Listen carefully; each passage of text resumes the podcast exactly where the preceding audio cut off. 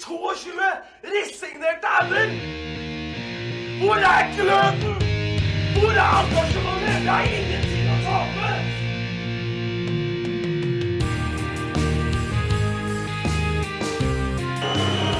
Ja, forlenges tid på Martin Ramsland. Skal du sette etter? Og så gjør han det! Martin Ramsland! Har du sett? Han kommer til å bli større enn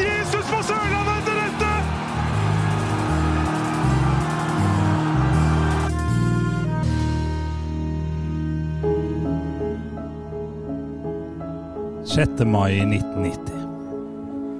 Dette er ikke datoen for mitt startminne. Eller det er litt, det òg. For mitt startminne er ingenting uten historien. Uten bakgrunnen, uten konteksten.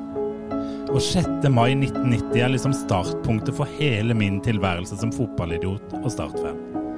Da hadde min mor, og takk mamma, for at du ga meg en evig kjærlighet til IK Start, tatt meg med på årets første hjemmekamp mot Vålerenga dette er den første kampen jeg kan huske. Jeg vet at jeg var på plass før, men akkurat denne gjorde inntrykk på en snart sju år gammel gutt. Start feide Vålerenga banen etter alle kunstens regler. Start stendte stakkars Vålerengen hjem til Oslo med depresjoner og akutt svimmelhet, skrev Start-legende og den høyest kompetente skribenten Svein Matte Mathisen i VVN 6-2. 6-2 ble det. Totto skåra to. Olav Klepp skåra to.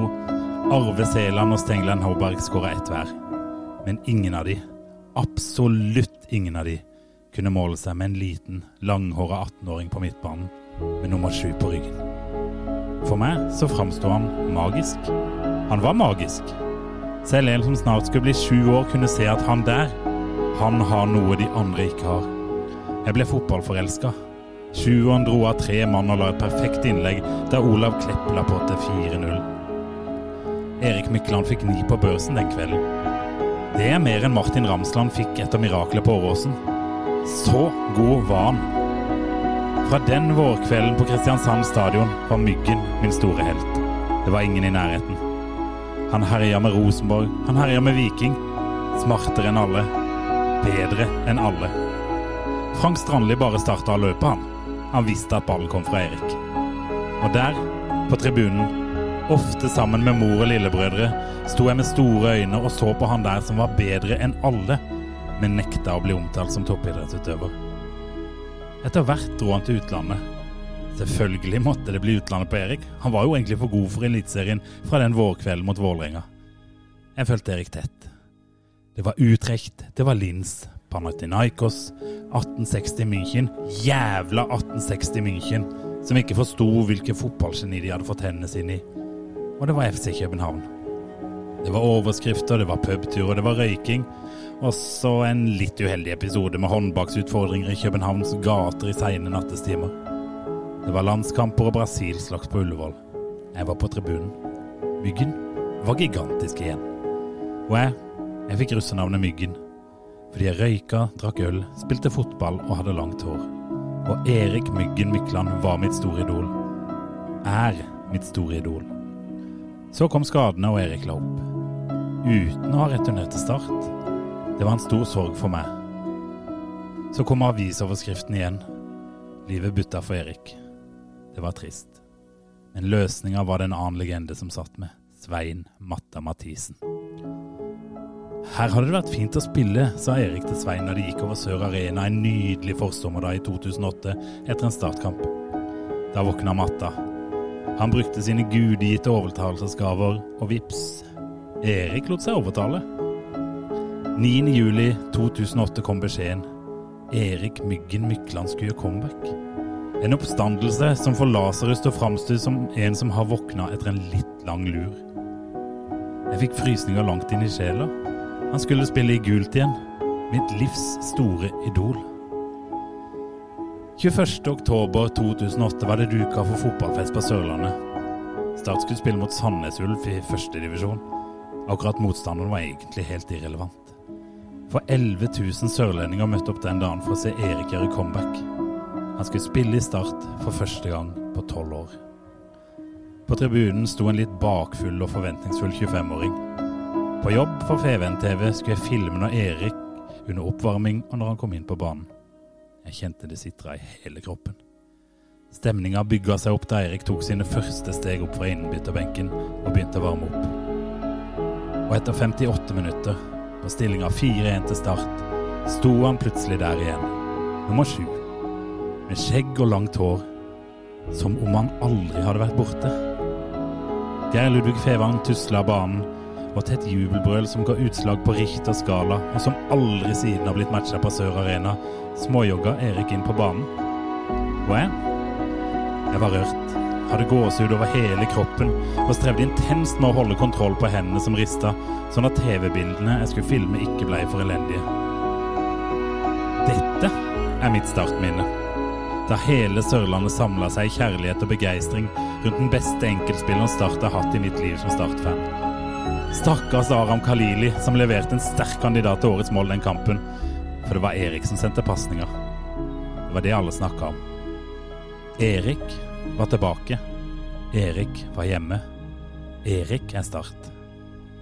Og med det her i bakhodet kan vel de fleste tenke seg hvor stort det var for meg å spille inn en podkastepisode med Erik i sommer. Da pika livet. Heia Start, og heia Erik.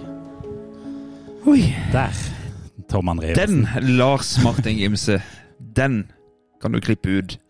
Og spille igjen for dine barnebarn. Ja, takk, Tom. Det, det kan du gjøre. Det var ordentlig, ordentlig fint. Rett i min gate. Rett i din grader. Det var godt. Og eh, denne håper jeg og tror kommer Erik Mykland i hende. Det får vi håpe. Jeg burde jo egentlig hatt den når vi hadde den i sommer. Det burde du. Men, Men, eh, ja, eh, nei, det her var helt Dette var da altså Lars Martin Gimse sitt eh, minne. Det var endelig mitt startminne. Det Endelig var, din tur. det var på tide. Nei, det var helt brillefint, Lars Martin. Kjempe. Men du er jo, du er jo utrolig god til å fremføre. Takk! Ja. Jeg prøvde å legge litt i det. Ja, ja, ja. Nei, dette var, dette var kjempefint. Vi sitter her hjemme hos eh, meg i dag, og eh, Gjør det. Eh, jeg har nesten ikke vært så nærme en tåre. Jeg må ærlig innrømme det. Det var deg. Det Det var var, det, nei, det var veldig fint. Kjempefint. litt kleint. Jeg fikk gåsehud av min egen framføring.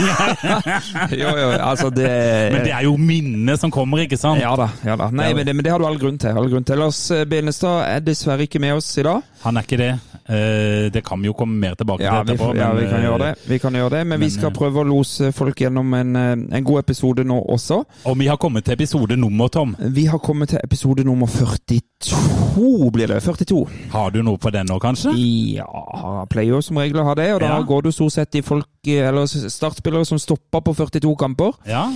Hør her, Lars Martin Gimse. Det er ni stykk. Ni stykker! Så jeg har, jeg, altså det var så mange. Altså det er det antallet det er flest av. Når jeg bruker eh, oversikten som ligger på IK-start.no. 42. Og da, da har jeg begynt å tenke hvorfor er det så mange som er, står på, på akkurat 42. Det, også det som jeg så var gjengangeren i mange av disse, er at de har vært eh, i klubben i sånn to-tre år ish. Ja. Spilt sånn to tredjedeler av alle ligakamper i alle de tre årene. Da ender du opp der omkring. Da, så Det er sånne spillere som har fått én kontrakt med Start, og som har vært ikke helt fast, men de har bidratt en del. Helt og så har de på en måte bare gått videre. Jeg skal jo dra deg gjennom disse ni, Ja. eh, og det er alle spillere fra relativt ny tid. Ja. eh, og et enkelt av de har eh, satt noen ordentlige avtrykk, det vil jeg, vil jeg absolutt si. Vi kan begynne på, på toppen. Det er nåværende vikingtrener. Bjarte Lund Aasheim. Helt riktig. Fikk ja. 42 kamper. Det var vel eh, 2006 og 2007. Nei, han kom vel allerede i 05, han. Ja, og jeg lurer på om ikke han var med i den der fantastiske kampen mot Rosenborg da vi vant eh, 5-2, eller ja, ja. Ja. riktig, riktig. Vi har eh, to blad Gundersen. Da nevner du til meg. Preben Gundersen.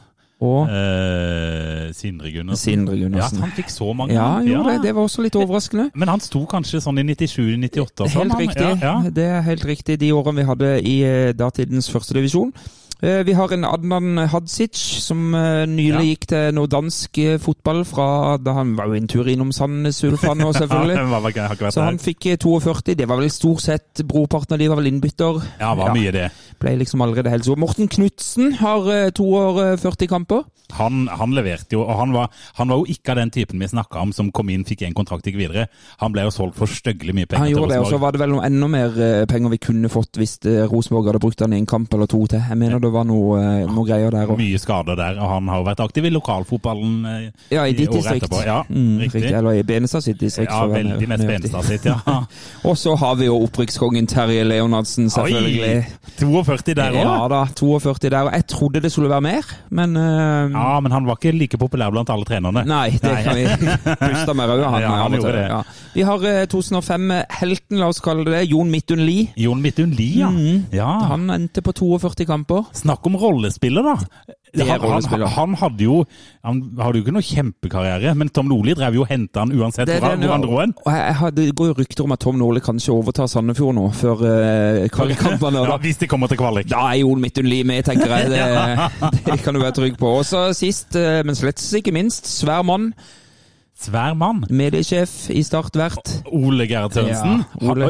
Han, har nesten ikke trodd hadde så mange kamper. Han var jo med på dette, var det 7-0-tabet på Åråsen annet, eller eh, et stygt-tap der i 2002, eller noe. Han får rette meg hvis jeg tar feil. Men, jeg, har, jeg har faktisk en kompis som var på den, den kampen som bortsupporter. Det var visst ganske blytungt. Ole Gerhard har lovt å være gjest i podden vår, har han ikke det? Så kanskje han Det- kan eh, dukke opp en gang. Han må vi ha med, syns jeg, for han var mediesjef i en spennende tid, for vi, Ja. som vi har snakka litt for mye om. Ja, vi har egentlig det. men, Men, Ole eh, Gerhard er så fin fyr at han vil vi ha med. Veldig fin. Du er i hvert fall eh, velkommen, Ole Gerhard. Så det var de ni som stoppa på 42. Da kan vi vel uh, ta litt uh, vips. Vips og sånn. Uh... Vipsansvarlig Benestad, selv om han ikke er her, han har jo bidratt, da. Ja. En av de hadde vi vel gjetta på forhånd på Vipsen her. lektor. Det er lektor. Tversnes, ja. Og vi hadde to, to kasser i går. Ja, hadde det. Mm. Og så har vi Andreas Seppajärvi fra Tromsø. Ja, han forventer at pengene brukes på kvalitetsøl. Litt usikker på hva han mener med kvalitetsøl. Nei, jeg er Jeg ikke så veldig fan av de der eh, De nord, nordnorske pilsene. Altså. Nei, jeg var jo nettopp Den nordlandspils er ganske ok, men det er vel som å banne kirka for en tromsøværing, for det er vel Bodø-øl. Jeg skal jo ærlig innrømme at jeg, var jo i, i Tromsø i forrige uke, så jeg ikke var her. Eh, Jeg, prøvesmakte de lokale varene mens jeg var på besøk der. Eh, Det var en sånn Ja, isbjørn-makkvariant. den var helt fin, den. Mm.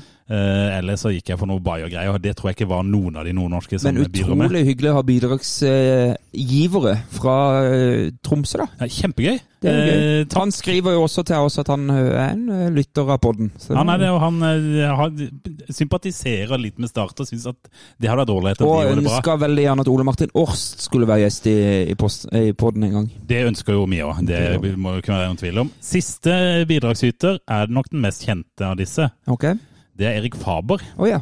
Og der, er altså Den tidligere popmusikeren som nå vel driver og snekrer møbler, tror jeg. Ok. Ja. Nytt for meg. Ja, nei da, Han har slått seg opp på møbelsnekring og sånn. Eh, hans barn fikk billetter av Don, så derfor går innsparinga rett til Start en pod, står det her. Ah, nydelig. Ja, nydelig. Fortsett med det. Don, og fortsett med det, Erik Favor. Ja, han har vi òg lyst til å ha med i en episode, og det er på trappene. Han har jo eh, tross alt vært bidragsyter på Start-sanger før, han.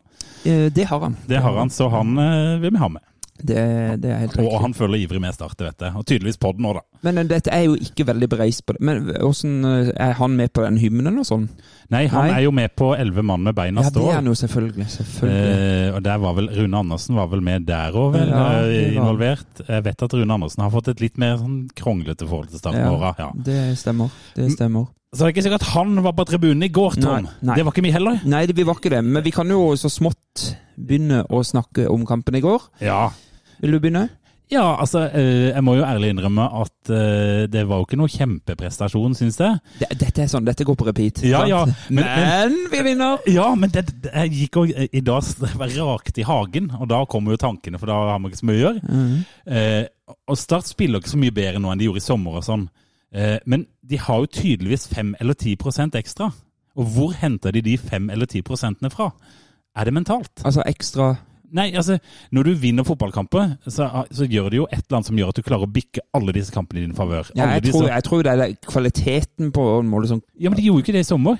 Nei, nei da, jo, da, du har rett i det. Uh, Kanskje, rett i nå, det. kanskje det var en periode der vi, Brauten var avskrudd og borte, og Falenius skada, og, og at når vi har fått inn noen igjen, så kan det jo hende at det Ja, for, har litt å si. Jeg husker ikke hvem som sa det, men jeg er helt enig i vedkommende som sa dette. Det, tror, det, det ville være en gjest vi har hatt, men, men dette her med at sånn spillemessig så er vi sånn nja eh, i de fleste kampene, og motstanderne er på en måte jevngode med oss, men vi avgjør med litt bedre kvalitet. Jeg husker hvem som sa det. Hvem var det? Det var en fyr som har begynt å lime alt i vinkelen for Åsane nå. Det var Kristoffer Walsvik. Det var Kristoffer Walsvik, stemmer det? eller? Han limte jo inn i Ja, hele, ja, han, Ja, gjorde han det, ja? Ja, ja, ja. ikke sant? Jeg gjorde det.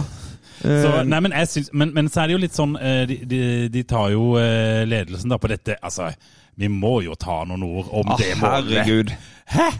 Har du sett på maken? Ja, men altså, Vi har hatt noen sånne. Du har jo Stokkelin selvfølgelig mot Sandefjord i 2009, eller når det var. Ja. Kalili året før, som Ja. du nevnte i startminnet ditt her. Ja. Ja. Uh, ja, vi har helt sikkert noen, eh, noen til. Eh, men det er jo nesten helt der oppe. Jeg synes, Også av han! ja. Men det Alle. beste var Så du intervjuet han etter kampen? Nei, det fikk jeg ikke med Nei, for han sa nemlig at uh, han, sa, Var dette det flotteste målet av brassesparket? jeg?» Nei, det hadde han gjort flere Ja, ganger før. det, det må ha vært med noe ironisk under tonen? Nei, eller nei, han var helt seriøs, men han mente at dette var det Nå ringer telefonen min! Nei. Er det sant? Ja, nå ringer den. Ja. Vi hører. Hvem er, ikke, er ikke det litt masete? Ja, det er direkte på start en pod her.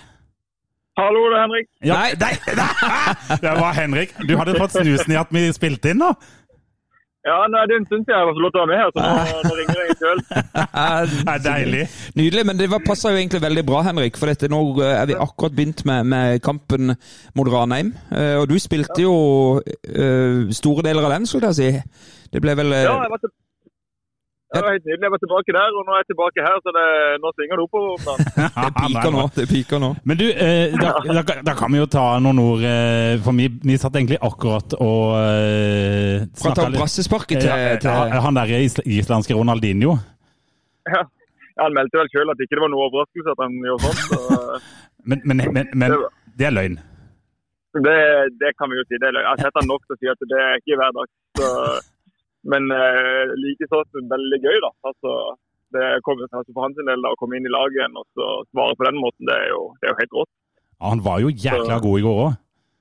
Ja, han var veldig bra. Så han, eh, han er jo, altså Det blir jo ikke så uvant egentlig fra den posisjonen han vanligvis spiller, men, men han leverer jo dritbra, så det er jo, det er utrolig gøy. Jeg så, jeg så noen, eller jeg så flere av spillerne holdt seg til hodet når, eh, når den eh, gikk inn. Så noen må jo virkelig ha blitt overraska av dette. Så dette er jo ikke noe, dette er ikke noe dere er vant med på trening, er det det, Henrik? At han gjør det? Nei, det, nei, det er akkurat det jeg sier. Så det at han sier at det her ikke er en overraskelse, det er jo ingen som tror på han. Så eh, reaksjonen på oss rundt, det sier jo det meste. For det, ja, du tenker han drar den opp av hatten. Nei, men det var utrolig deilig å se han. Men, men den kampen den ble litt i overkant åpen, syns jeg. Det var my mye sjanser. Ja, det ble det. Så vi, vi skulle gjerne sett at det var enda mer komfortabelt. Men, eh, men det er klart, de hadde jo kniven på strupen og måtte, måtte vinne. Så de, de hadde en plan klar som de, de delvis lyktes med. Men vi følte jo sjøl at vi, vi styrte store deler av spillet. Så det var, det var målene vi gjerne skulle hatt litt tidligere for at ikke det ble så spennende. Skulle gjerne hatt litt flere av de oppe på slutten. Det var jo noen voldsomme sjanser det ble bomma på der.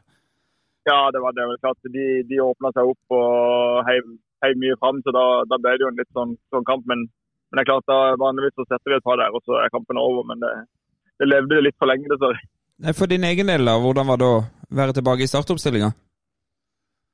Det, det er utrolig gøy. Først og fremst så du er jo, Man er jo en del av det uansett, men, men du føler jo at du bidrar litt mer når du er utpå der. og, og ja, skal vi si. Det er jo, når du vinner også, er jo alt på høyt opp. så det, nei, det, det betyr mye, og det, det var egentlig bare veldig veldig gøy. Men hvordan er det Trives du i en sånn eh, 3-5-2-ving-variant? Eller vil du helst være vært tilbake der? Nei, For være helt ærlig så, så trives jeg egentlig ganske godt uansett. så Jeg skal ikke være så vanskelig på det. det så lenge jeg er på banen der, så skal jeg ikke, skal ikke klage til noen. Men, eh, men det er gøy å spille der og kunne, kunne prøve på litt offensivt. Så det, det er absolutt moro, det. Ja, og Da må vi jo nevne den der flotte pasninga igjennom til Kristoffer Tønnesen, eh, Henrik. Ja, den er fin. Ja, jo, takk for det. Det, er jo, det ble jo egentlig ganske avgjørende til slutt. så Det, det er jo veldig gøy å kunne bidra med, bidra med noe, ikke bare stå bak der og dirigere folk. Eh, var du med på revy og sånn òg etter match, eller? Ja, det, det ble jo en, en lang kveld for egentlig hele laget. så vi, Rett etter kamp så dro vi ned, og, ned til teateret og egentlig bare gjorde oss klare til neste akt. Så, så det, var, det gikk i ett den dagen der. Jeg, jeg, jeg har sett eh, det Vi fikk jo ikke være der, men jeg har sett reaksjoner fra våre medsupportere på, på Twitter, og den unisone tilbakemeldinga der at folk har hatt en veldig flott kveld i teatret. At de, de koste seg gløgg i hjel. Ja, jeg skjønte det. Dessverre så fikk jo ikke vi med oss alt som skjedde utpå der, men vi, vi fikk jo tatt til oss måte, de tilbakemeldingene som kom tidligere, og selvfølgelig responsen når vi sjøl var der ute. at det var, det var jo en super greie. og ja, Det ble en skikkelig flott kveld for alle som var der. og det var mange som bøy på seg sjøl, og det, det sier jo på god respons. det. Ja, for det gikk rykter om at han Sindre eh, Kjelmeland også sang, er det riktig? Ja, han, eh, han dro til med elleve mann eh, på beina stål, så det, Oi, jeg er glad ikke jeg var der. Ja, nei, jeg skal si det. Han, eh, han leverte der og tok det litt med rak rygg, så det, det var både overraskende og gøy. Jeg så han drev og eh, øvde seg. Kan ta så komme ned og si noen tips etter neste gang han skal framføre. Men eh, Henrik, hvis vi, eh, hvis vi ser litt fremover nå, så ventes det jo noen kvalikkamper og sånn. Blir det Koffa? Blir det Sandnes Ulf? Blir det Kongsvinger? Ja, det tror jeg er ganske åpent. Det, hvis vi skal gjette, så står det mellom Kongsvinger og Koffa, men, men i de kampene der det, ja, det, det er tett og jevnt. og Det, det, det er én kamp som avgjør alle de der. så det Hvordan det spiller seg ut, det er ufattelig vanskelig å si. men men det blir gøy å sitte og kunne følge med på det uten nerver. i hvert fall. Det er jo deilig. Og så har vi jo møtt Koffa hjemme i kvalik før, Henrik, og det har du vært med på? Det har jeg vært med på. Eh, Hvis jeg husker riktig, så gikk det ganske greit òg. Så Det- eh, det tar de, tar de gjerne tilbake der. Det endte opp eh, etter hvert med noe greier på Åråsen og Martin det. Ramsland og litt noe styr. Mm, helt nydelig. Ja. Helt nydelig. Det, jeg husker litt av det òg, selv om mye av det er blitt gjort i ettertid. Men, men, men eh, er det sånn at når dere holder på nå, følger du med et halvt øye med på hva som foregår i Eliteserien, og hvis dere kommer dere videre, hva dere eventuelt kan møte? Eh, Jeg skal si både ja og nei. Eh, Jeg føler jeg hadde fulgt med på Eliteserien uavhengig av om vi hadde vært nede sjøl, men, men det er klart det, det er feil å si at man ikke følger med, for det er jo, det er jo gøy òg. Ja, ja. Så, så, men eh, det er gøy å følge med, og uansett hvordan det utspiller seg, så, så har man jo interesse for det. så det, det, det er passelig spennende. Så nå, akkurat nå er det jo deilig å kunne følge med på det uten å sitte der med kniven på strupen sjøl. Ja, for det var det jeg skulle til å si, at det, det må jo på en måte være deilig å sitte og følge med på det. Man har ikke kniven på strupen, men, men det er jo fremdeles relevant for det dere skal gjøre, for det at sesongen er ikke over. Ja, jeg kan jo si jeg satt jo så Jerv-kampen i dag med, med Jon Ole Reinertsen, som er daglig leder i Jerv. Ja, Så det var jo en som satt med litt høyere skuldre enn den andre når vi så kampen. Det, det, det er ikke løgn. han, han fikk noe å juble for til slutt der, da, i hvert fall, med en tidligere startspiller som eh, limte av gårde en eh, perle. Ja, jeg nevnte det rett høyt der, at jeg tipper det er sektor siden han skårer. Så jeg var fornøyd med den. Ja, for det var vel rett og slett eh, Ugland som fikk kreditert den? Ugland spesial. Ja, han fikk et frispark fra 16 meter, og treffer han riktig på de, så er det mål uansett. Å si hva. Så han har en ekstrem ferdighet på akkurat det. og Det er gøy å se at han skåret selv om det ble en deflection, så det var ikke helt uh, perfekt. Men, Uh, men eh, jeg, tror han, jeg tipper han driter i det. Men er det nå, nå er jo på en måte Nå er jo hva skal jeg si, grunnserien over. Nå er egentlig eh, de vanlige seriekampene over. Man må gå over i en kvalik-modus, la oss kalle det det. Er det sånn som du vet og Blir det noen endringer i opplegget den kommende uka for, eh, for spillere og, og, og trenerapparat? Uh, nei, egentlig ikke. Uh, eneste forskjellen er at det blir to uker inn mot kamp. Så, så planen vår nå, uh, uten at jeg har 100 fasit på det, så blir det at vi kjører en prøver å kjøre en relativt vanlig uke med en eller annen internkamp et eller annet slag og så får vi en vanlig inngang som vi ville gjort i sesong inn mot kvalikkampen. Uh, så prøver å gjøre det egentlig holde oppe rytmen. og selvfølgelig nå er det, var det en del som var skada og litt ute til det, så nå får vi en tre-fire dager først til å hente oss inn, og så, og så må vi egentlig bare dure på i samme kjøret. Men du, eh, det tenker jeg vi gleder oss til framtida med det. Det gleder vi oss til. Absolutt. Ja, det, altså, det er jo, skal si så, da, vi, jo, vi har jo vært i en, en OK form i det siste, hvis det all beskjedenhet. Så, Ja, ja. Og ikke å dure på videre i den, eh, den måten vi jobber på nå, tror jeg bare er sunt og fint. og det, skal det bygger både selvtillit og vi tar steg eh, på måten vi jobber på nå, så det, det er ufattelig gøy om dagen. Og det er ikke leit å dra på trening for tida. Nei, det er betydelig gøyere det. Så det skal jeg si, Smilet sitter litt lettere, og alt er egentlig alt er litt lettere når du går på jobb når du, når du vinner kamper. Så, så det er både gøyere det òg, men samtidig så er det jo viktig at, at ikke man begynner å slekke av. da, At man liksom holder oppe trøkket. og Jeg tror det er nøkkelen for oss, eller har vært nøkkelen for oss i denne perioden her òg. At, eh, at man fortsatt trykker på pedalen selv om man vinner kamper. At ikke det bare blir, bare blir latter. Mm. Helt til slutt, eh, Henrik. Eh, Eirik Schulz har jo signert ny kontrakt. Hvor, hvor viktig tenker du at det er for, for klubben? Dere er jo kontinuitetsbærere, både du og han, og, og litt, litt opp i årene, hvis det er lov å si det?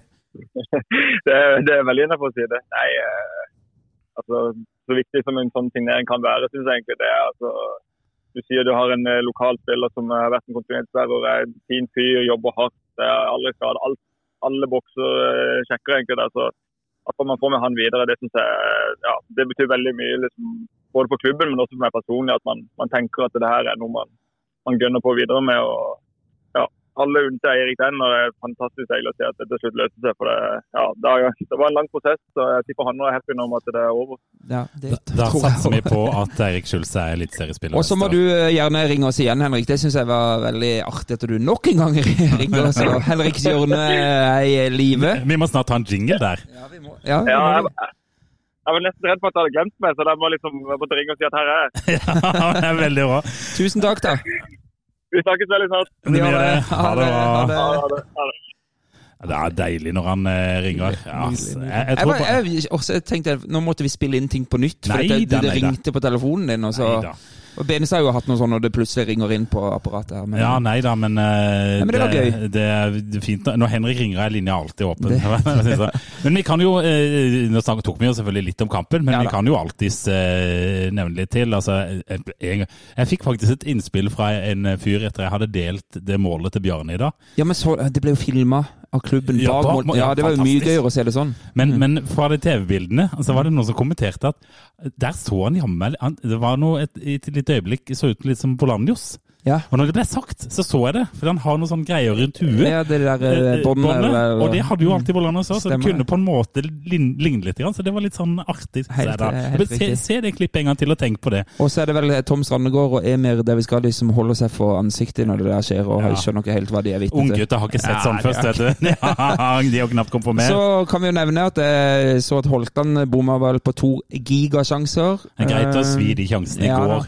Svi de nå. Og, og, så er jeg jo så glad så inderlig glad for at det var Alaji Sagnang som fikk det seiersmålet der. Ja, Den fortjener han. Jo, men igjen relativt svak kamp i, ja, i, i Imo.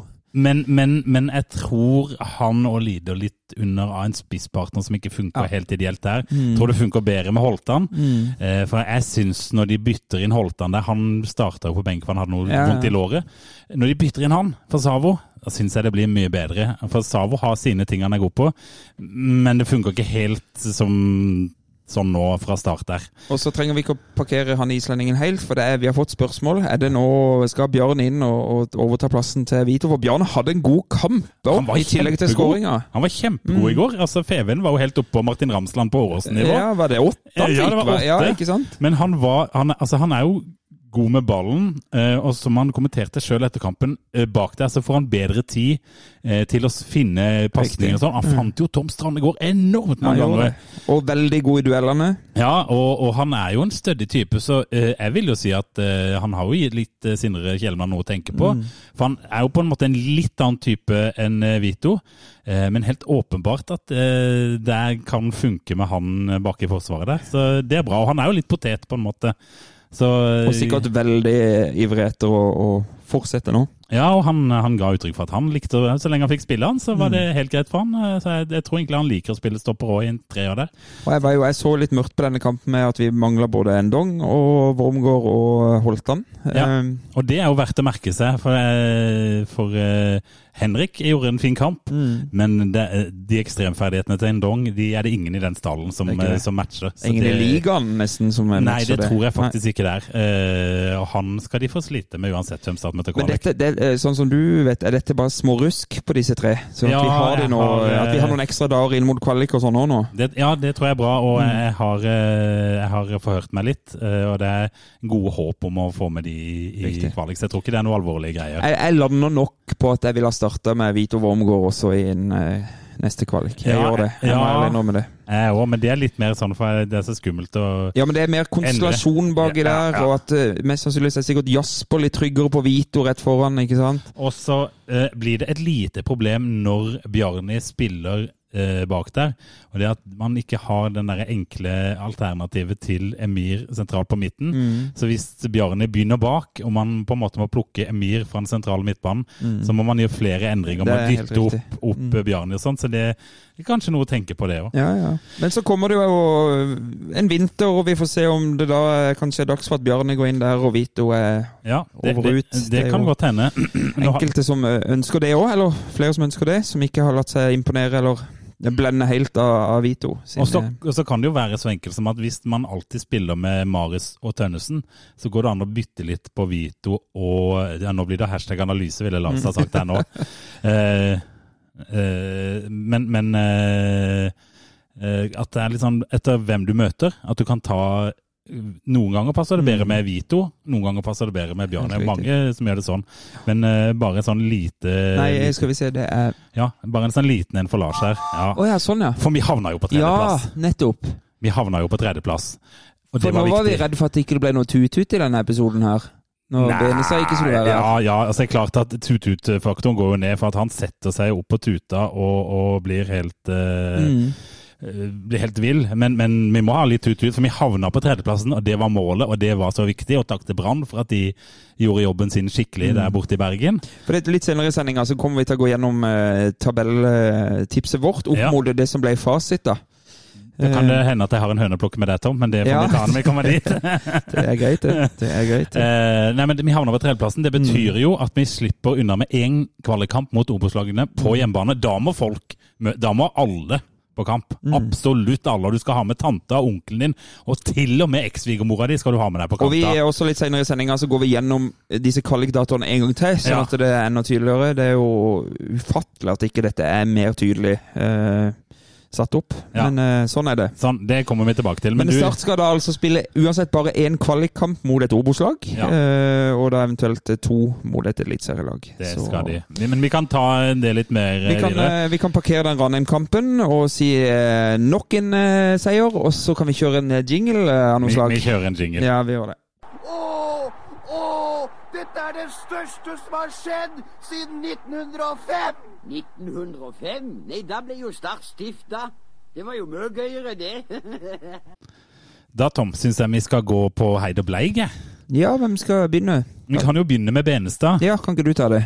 Jo, altså øh, Det er jo veldig sånn selvdiggende av meg å si det, men han sleit Ja, litt ok, med Det er og kanskje bedre at jeg sier det, da. Ja, kan du ikke heller det? Nei, han har jo vel egentlig det, det på Heid. så så fikk, fikk han litt kritikk av det, og så tok han meg helt bort. ja. Nei, men Det var vel fordi han satt, eh, hadde tatt med seg utstyret fra forrige innspilling, og hadde glemt at uh, i dag er det jo bare mer det. Ja, Mm. Så da måtte du hive deg rundt og kjøre litt tur og tur ut i Follo og Oslo her. ja, jeg måtte det, men som jeg sa til dere eh, Når man har vært gjennom med, med familien hele helga, så er det ikke leit å si Nei, du, jeg må dra en time tidligere enn det jeg måtte. Men han har vel noe annet Heid òg, har han ikke det? Jo da, han har noe annet heid. Han har heid frister enn catering og Vipps-bidrag. Flere enn fristeren må melde seg på. Ja, ikke sant? Dette er et skrik om en mann som må jobbe i kveld, tenker jeg, istedenfor å spille inn pod. Men, men når vi først har fristeren her, da, skal vi ikke ta med oss deres bidrag? Kjør. Det syns jeg vi skal. Ja. Hei, Mathias Grunnekjern fra IK Start. Jeg er så heldig å spise maten fra Fristeren catering hver dag på Sparebanken Sør Arena. Det kan du òg gjøre. Trenger du catering til små eller store anledninger, gå inn på fristeren.no. Når det gjelder god mat, er det lov å la seg friste. Dette er egentlig en content-heit. Veldig. Veldig. Det er nydelig. Og nå må folk bestille mat på, eh, av fristeren før jul. Eh, Jul 2026, ja, er det vel noe, ikke det? For nå er det bare eh, halv- halvannen under to måneder til jul. Ja, så, men, eh, men eh, for å si det sånn, vi, vi er åpne for flere Vi er åpne bidrag. for flere, sånn at vi kan jobbe eh, mindre dugnad. Mindre dugnad. Ja, det blir litt dugnad, det blir det. Men, men det er veldig gøy, da. Men, Ja, eh, det er veldig gøy, da. Veldig gøy, da. Eh, Bleig. Vito Wormgård. Og nå må dere holde dere fast, for nå kommer dette ordspill i Fra begynnelsen her, ja, altså. Fra kjempeklassen. kjempeklassen. Nå kommer Brassispark Antonsson og tar over. Så han er, han er uenig med meg, da, for nå vil han sikkert ta inn uh, Bjarni. ja, han vil nok det. Og jeg så han leverte den der på Twitter i går. Han mente det var hans beste tweet noensinne. Ja, jeg lo meg jo ikke halvt forderva, men det var kreativt. Jeg humra og syntes det var gøy. Ja. Brass spark der, altså. Brassispark. Men da kan vi gå til deg, Tom. Uh, ja, Heid og Bleik. Ja. Mm, uh, Heid har jeg rett og slett satt eh, hjemmeformen til IK Start. Ja, det er betimelig. For dette, den er altså det er den syvende strake hjemmeseieren. Og vet du hva, Lars Martin Gimse? Det er klubbrekord. Oi. Oi, der ryker det øl og alt mulig rett utover bordet. Ja, det var, unngikk utstyret, heldigvis. Du ble helt satt ut. Nei, men det er det. Det er, Er, er det rekord? det er rekord. Har du sjekka med Christian Sørensen? Ja, og han har ikke verifisert det, men jeg har brukt eh, mine kilder. Eh, Ja. Og det er internett eh, og Wikipedia og litt sånn. Ja, Og forrige rekord den var på fem strake hjemmeseiere, faktisk. det høres lite ut. Det høres lite ut, og det var i 1985, i 1994 og 2006 hadde vi fem strake hjemmeseiere. Vi har sikkert drevet og rota på oss noe uavgjort innimellom i sånne Og så er nok dette bare seriekamper, for det kan godt være at i 2006 hadde vi en hjemmeseier i cup og inne der. Men Ja. uansett, da, syv strake hjemmeseiere er ganske unikt i Starts historie, og sånn som jeg har forstått det, rekord. Og det kommer eh, altså eh, Ja, det kommer vel fra litt før Stabæk kom, men det kommer liksom etter en periode der de måtte ta et krisemøte. Og så etter det krisemøtet, så har de bare tapt én kamp. Forrige gang vi tapte på hjemmebane, Lars Martin, hvem var det mot? Å herre min gud, kan det være Sandnes Ulf? Ja, Den riktig. var jeg på for Ja, pokker! og det var i juli. Det var da jeg sang hymnen. Det, det må jeg jo aldri gjøre det, igjen. det må eller det er kanskje det du må gjøre for å snu en dårlig trend. Ja, nei uh, Og så har vi altså elleve kamper uten tap. Hjemme er rekorden til start. Ja. Altså elleve strake uten tap. Den tok vi i 1974 og i 2005. Da hadde vi elleve kamper uten tap eh, på rad, da. Men, eh, men nå har vi jo vi har sju seire på Ja, alle, så var Sandnes Ulf-kampen den før der. Ja, så det er riktig, så vi hadde ikke noe uavgjort rett før Nei, der. nei, nei. Så det, nå har vi jo en hjemmekamp i eh, To hjemmekamper, eh, forhåpentligvis. Kanskje det. Ja. Så denne kan jo strekke seg over i, i neste sesong, selvfølgelig. Men uansett, ukens heid, det er Starts hjemmeform. Og må bare skyte inn det òg. Jeg har vært sterkt kritisk til hjemmeresultatene til Sindre, under Sindre Kjelmeland. Ja, For de har vært det, var, det har blitt skrevet artikler om Ja, det. ja, det har vært helt eh, grusomt. Så her har man virkelig klart å snu noe. Det, ja, det, og da tenker jeg det må jo Kan vi kanskje gi et lite tipp på hatten til den mentale treneren, som jeg ikke husker Ja. navnet på? Som eh, vi hører lite om og fra, egentlig. Men det er kanskje bra. Kanskje. Han jobber i det små, tar noen Yes. samtaler her og der. Det er Mm. sånn det skal gjøres. Eh, og det husker jeg jeg sa når de tok han inn nå, at det var et godt tidspunkt å ta han inn på. For det var ikke når det var krise. Nei.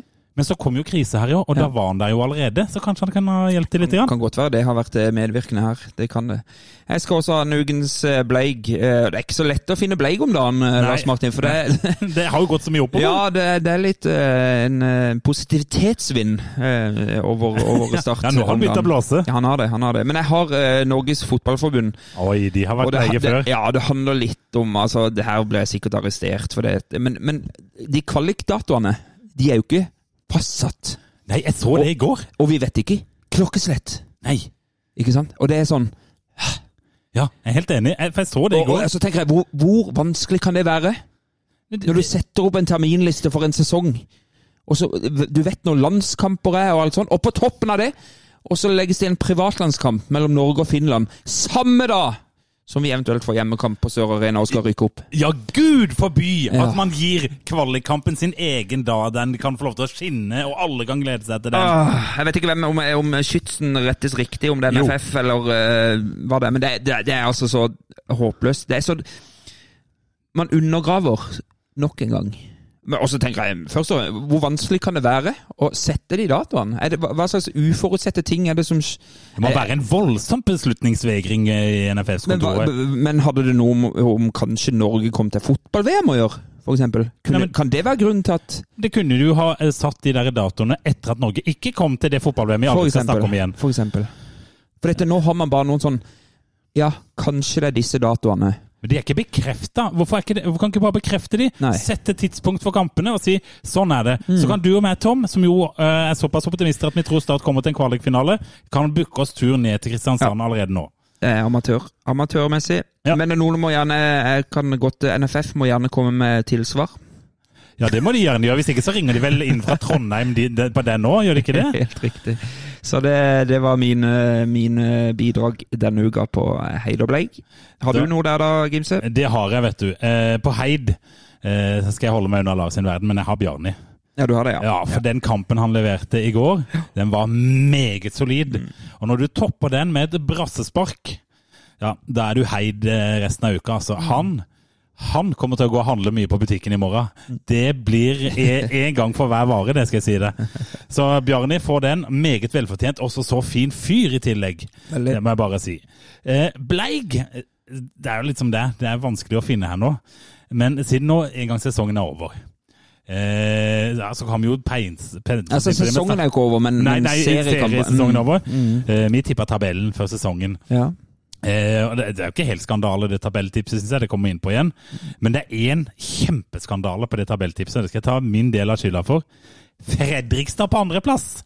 Vi hadde Fredrikstad på andreplass, det er helt riktig. Ja, den det- det- er så blei, den! Ja, og det mener jeg, jeg følte det var vi, vi, en, vi enige av hverandre om det, skulle jeg si. Altså, vi var enige om det. Ja, jeg, jeg, jeg, så ble det vel begrunna litt med at noen overraska litt positivt, eller et eller annet. Men for en bom! Det er For noe bleigere enn det Fredrikstad-laget nå i, i høst. ja, Ja, ja. har ikke sett på maken! Nå vant jo de, da, i motsetning til oss på Hjemslund eh, var i går. Men, men altså, de redda seg jo inn på en tiendeplass her, eh, eller noe sånt, men, men de lå jo egentlig på 13, eller ja, Uansett, eh, helt forferdelig. De sparka treneren, assistenten tar over. Eh, Jeg følger litt med på sånn podkastverden, for jeg kjenner jo folk som driver podkast om Fredrikstad i Fredrikstad Blad. Eh, Det virker ikke som det er sånn kjempestemning for at han assistenten skal få lov å fortsette. Nei. Da må de ha inn en ny. Ja. Skal vi gjette Christian Johnsen? Eh, og han kunne vært en bleigen, han. Han har gitt fullstendig faen, han, oppe i Raufoss der. Ja, han kjefta jo på seg et rødt kort i Ja. nest siste kamp, så Ja, han eh, altså, Raufoss er, Raufoss er jo Det er dritt. Og Ja. de siste kampene de ser nå. og, og, men, men det med Fredrikstad var, når de først vinner, så vinner de på et jækla klønete selvmål, liksom. Det er ikke, det er ikke sånn Det er så Men, eh, men. Fredrikstad har vært en, det har vært en trøst for egen del i mange sesonger, faktisk. Som, som på en måte har eh, fotballag fra en sånn tilnærmet lik størrelse på by som Kristiansand, og har om mulig hatt det enda mer jævlig enn det vi har. Og det virker som om, om eh, en størrelse på sånn 70 000-80 000 innbyggere i byen mm. Veldig ugunstig størrelse for en fotballklubb eh, å komme fra en sånn by. Da tenker du på Start Fredrikstad og Nei, det var de to jeg tenkte Ja, på, ja. Du kan dra med Sandnes i samme Ja, det kan du faktisk, faktisk. for det, de er jo egentlig bare sammenvokst med Stavanger. Ja. Nei, men, men siden vi nå først er inne på alt dette her med tabelltips og sånn, eh, så tenkte vi at det, det var fint å ha med den mannen som var med oss når vi satte opp tabelltipset. Oh, ja. Amund. Har vi gjest? Vi har nok ikke gjest, Nei. for Amund han har vært opptatt med å kommentere Sandefjord, eh, HamKam i dag. Ja. Men han har sagt at han skal være klar for å ta en liten gjennomgang av tabelltipset. ja. Så vi ringer han da, Eh. Vi ringer rett og slett Amund og bare hører om hva han tenker om det vi kom fram til før sesongen. Kan være han legger barn nå, men Ja, hvis han har sagt at barn. det passer så. Hallo? Hallo, Amund. Det er Start en pod. Hallo, gutter. Hei, hei, hei. hei, hei. Du eh, har kommet deg hjem etter å ha kommentert Rysaren Sandefjord eh, HamKam. Ja, jeg har akkurat kommet hjem, og så hvis du hører på stemmen min, så er det nesten så han brister. For i dag så ble det mye skriking og hoiing. Det ble en uh, intens kamp da, som uh, Sandefjord til slutt uh, tapte 2-1. Og nå kan det jo hende at Start, hvis de blir så gode, ikke møter Sandefjord i kvalik engang. Nei, med tanke på at Kristiansund smadra Ålesund 4-0 hjemme, og Sandefjord klarte kunststykket å tape hjemme, så nå har jeg 99,7% tro på at det er KBK som spiller kvalifisering. Ah, det liker vi ikke å vi høre, vil vet ikke det, vi vil ikke det. Men, eh, men, det kan, men, altså, men når det gjelder Ålesund, da, de klarte jo, holdt jo plassen forrige runde, så der var det jo De har tatt ferie, de. Ja, så virkelig ferie. Altså, nå gikk jo lyset på eh, Kristiansund stadion eh, i løpet av kampen, og det skulle nesten tro det Det var litt symbolsk for dette Ålesund-laget. For det er jo fullstendig natta. Ja. Og du klarer å tape 4-0 der borte mot, eh, mot Kristiansund. Men eh, nå er gnisten tent i Kristiansund, og de har igjen Jerv på hjemmebane. Og så skal de møte Sarpsborg nå til eh, helgen. Der kan de fint ta, ta seks poeng. De tar i hvert fall minimum tre poeng. Ja. Jeg tror ikke dette Sandefjord-laget tar noen poeng. De skal møte Molde neste helg i Molde. Så det er jo Det svaret sier seg sjøl. Ja, det er det. Men du, vi ringer deg jo fordi at vi hadde deg jo tross alt med eh, på, på denne tabelltippinga vår før sesongen. Eh, og, Ja. og da tenkte vi jo at vi vil bare gå gjennom eh, litt eh, av det tipset. Og jeg har jo allerede dratt fram som bleig eh, denne ukens bleig fra min del. Det er vår- vårt tips på, på Fredrikstad på andreplass. Det er jo en av de mer sjanseløse Altså, tipsene i år. ja, så tenker jeg bare For the record, da, så hadde vi Brann naturligvis på første, så Ja. den er jo grei, så den kan vi bare la gli videre. Vi hadde Fredrikstad på andre. Hvorfor bomma vi så fælt der, da, Amund? Han prøvde jo å snakke de ned, gjorde han ikke det? Ja, jeg hadde på mitt private tips, som også ble mitt eh, profesjonelle tips til Eurosport, så hadde jeg de på en tredjeplass. Og det er Ja. eh, et kjempestort spørsmålstegn altså, av hva som gikk galt i Fredrikstad. Som det alltid er når det går gærent, så er det jo veldig mye som ikke funker. Og så endte man jo opp etter hvert med å, med å sparke treneren sin. Fikk eh, Henrik Kjelsrud Hansen ute med skade tidlig.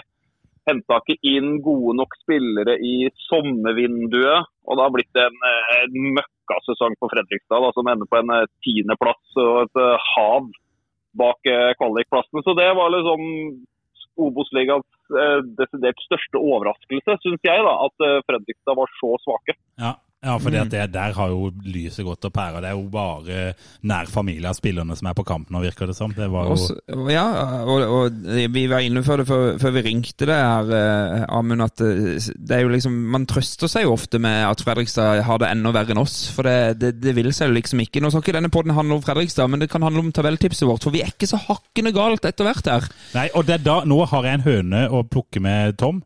Ok. For jeg mener veldig bestemt at jeg sa, som ble vårt offisielle tips, idrettsklubben Start blir nummer tre. Ja, jeg var uenig med dere. Ja, men der bomma du. Ja, jeg var Ja. solklar på, på denne sjetteplassen, og vet at jeg hadde mer, flere med meg på det. Eh, Jeg mener jo fremdeles at sånn rent spillemessig og, og sånn, så er, har vi spilt som et sjetteplasslag. Eh, Det står jeg for, men vi har Det er ikke Kristian Sørensens statistikk Nei enig da, det er helt i orden, men det er mitt inntrykk. Men- men, men vi hadde de på tredje, Amund, og de endte på tredje, og det er vel helt riktig, sånn som du òg har sett det i år.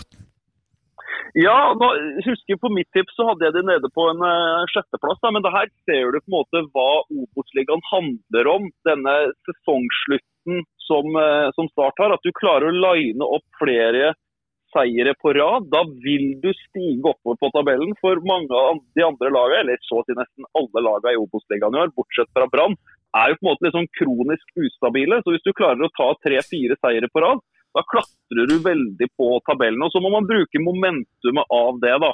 Som Start har eh, klart nå på, på slutten. Og karrer seg liksom akkurat forbi KFUM i, i mm, siste serierunde. Og det kommer til å ha veldig mye å si, da. Men så blir det jo litt rart nå i kvaliken, da. Når har Start uh, spilt siste seriekamp, så skal de ha fri to uker før, Ja. før de begynner uh, med en uh, kvalifisering. Så det er jo på en måte, Man kan jo vri og vende litt på det. da. Er det positivt at man skal gå så lenge uten en, eh, uten en eh, kamp? Eller er det da en mulighet kanskje til å få slikka litt sår? da? Man hadde jo noen skader inn mot, eh, inn mot um, kampen mot uh, Ranheim. De kommer da mest sannsynlig til å bli friske og raske til den uh, kampen. Møter du KFUM, da, så kommer de kanskje fra en uh, seier mot enten Sandnes Ulf eller Kongsvinger for noen få dager siden og kommer inn med skikkelig momentum i i den kvalikfinalen. Så jeg syns liksom ikke det er noe fasitsvar på hva som, er, hva som er det beste.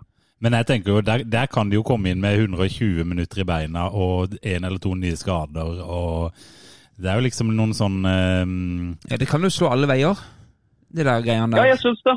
Mm. Ja, Det kan slå alle veier, men jeg tenker i utgangspunktet at Start må jo se på dette her som en gyllen mulighet til å få terpa masse detaljer nå i to uker. Få spist godt, sovet godt, trent godt. liksom Gi seg sjøl et skikkelig godt utgangspunkt. for man har jo også hjemmekamp. da, og Mhm. tenk her Nå nå er, det, nå er det to uker for Terje Markussen og co. Til, til å selge billetter til den kampen. Jeg håper jo virkelig at det kan koke på Sparebanken Sør Arena den eh, 13. november. Ja, jeg er enig. Ja, der hadde vi 13. november er da satt eh, ifølge Amund, men eh, vi var, har vært inne på det, skjønner du, her, eh, Amund, at det er jo Vi vet jo ingenting om sikkerhet rundt disse datoene, men eh, hvis vi tenker 13. november, og da, da, da, da ser du for deg at det blir KFUM, ikke sant? Jeg tenker i utgangspunktet at det skal bli KFUM. Altså, nå er det jo først uh, Kongsvinger da, som uh, dumma seg ut i siste serierunde og tapte mot Fredrikstad. Så de mista muligheten til å ha hjemmekamp. Så på torsdag så skal jeg til Sandnes for å kommentere Sandnes-Kongsvinger. Uh, utgangspunktet en veldig jevn kamp, men jeg tenker Sandnes Ulf har uh, hjemmebanefordel. Kanskje Sandnes Ulf kniper den, da. Og Martin Ramsland er jo ikke dårlig i kvalik. Nei, det er nok bare å nevne ordet kvalik til Martin Ramsland, så lyser nok han opp. Og så er det noen dager etter det, så skal la oss si Sandnes Ulf da, til Intility 8.11. for å møte KFUM. Kveldskamp inne i Oslo. Ja, for da blir det Intility.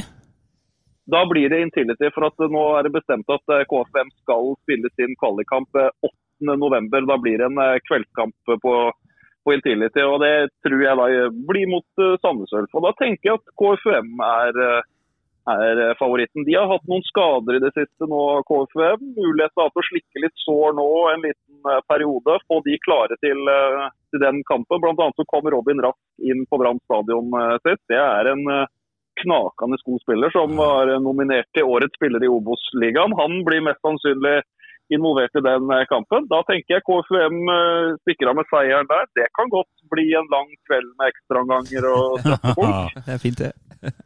Vi håper det. Så jeg tror, ja, så jeg tror det blir start KFUM Oslo søndag eh, 13. november. Det tror egentlig vi òg. Det landa Ja, vi på i forrige episode når vi hadde besøk av din eh, kollega Petter Bø Tosterud, som eh, var helt enig i at dette kommer til å ende opp med Start eh, KFUM.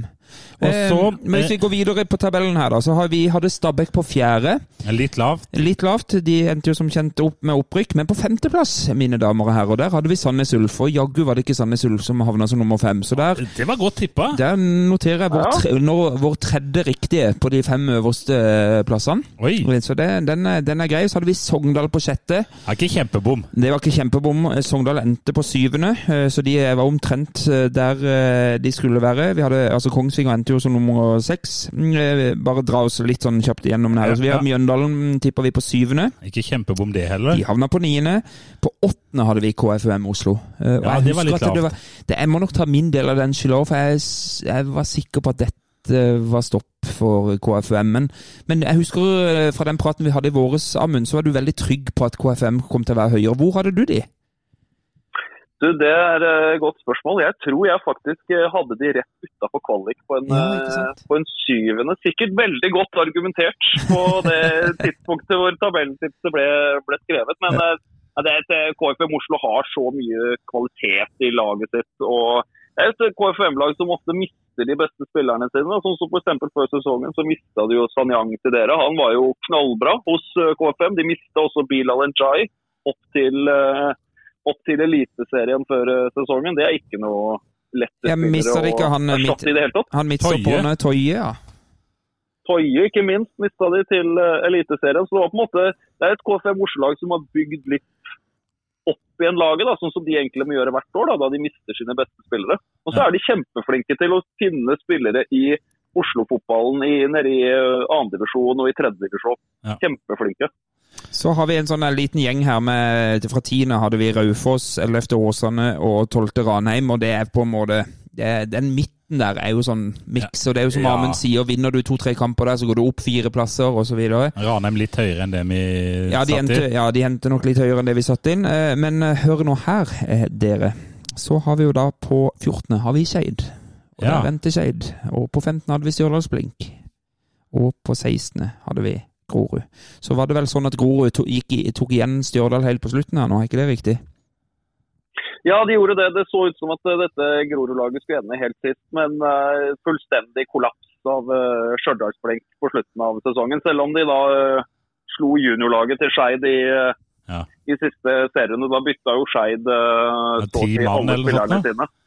Ja, de bytta om på absolutt alt. Så man skulle la de få litt kamptrening da inn mot eh, kvaliken. For for min del så er jo på en måte Obos-ligaen langt ifra over. Det er jo så mye igjen å kjempe om i alle disse kvaliken. Både opprykk og nedrykk. Det er jo sørlandske Arendal da, som skal ut mot, uh, ut mot Skeid. Og det er et, uh, og et Jerv-lag ikke minst, da, som tok poeng i dag. Som kanskje til og med kan klare å karte til seg en kvalik i Eliteserien. Men jeg tenker jo i utgangspunktet det er store muligheter for tre sørlandslag i Obos-ligaen til neste år, og det er jo kjempemoro. Ja, det, ja, det hadde vi jo i 2017. Men, men hvem, hvis du skal se at, at eh, Hvis vi tar tre scenarioer Arendal rykker opp, Start rykker opp, Jerv holder plassen.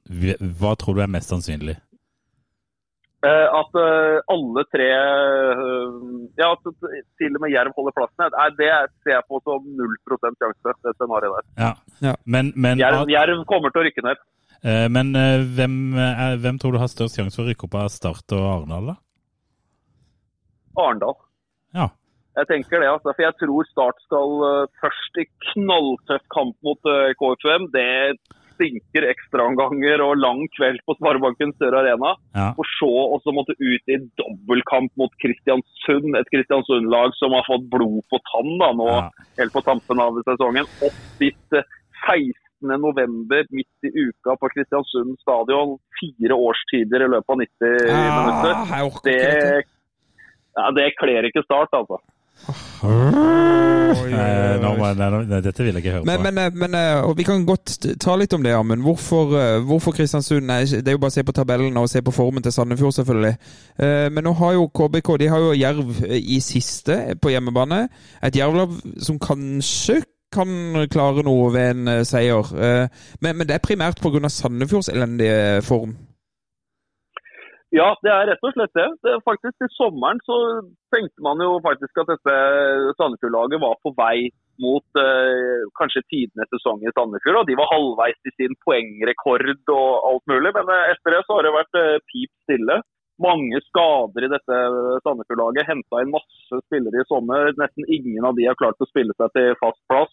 Ut av det blå så får plutselig Hans Erik Ødegaard og Andreas Tegstrøm eh, en ny treårskontrakt som Ja, det var har blitt eh, tatt eh, godt imot. Uh, verken innad i laget eller uh, utad hos supportere og i lokalmedia, og ikke minst i rikspresset, som stusser over tidspunktet å slenge en så lang kontrakt til trenere som eh, er så utsatt til for et nedrykk. Ja, nei, det der var pussig. Nei, men eh, det blir, jo, det blir jo forferdelig spennende dette her. Jeg bare tenker, Amund, Du er jo vårt Obos-orakel, og nå som vi har eh, 30 seriekamper eh, i sekken her, har du, har du tenkt deg ut noe sånn Du sa årets skuffelse var Fredrikstad. Årets overraskelse, da, sånn klubbmessig? Overraskelse. Jeg syns jo det er eh, veldig imponerende av KFM Oslo altså, og så ende helt opp på, um, opp fjerdeplass. De setter poengrekord, eh, KFM. De liksom bryter nok en barriere. og de er, eh, de Tenk at KFM Oslo går inn i siste serierunde og har faktisk en teoretisk mulighet til å rykke direkte opp til Eliteserien. Det sier ekstremt mye om jobben Jørgen Isnes og co. har gjort til KFM Oslo. Og så synes jeg jo jeg vil jo si at Start er en positiv overraskelse i år. da.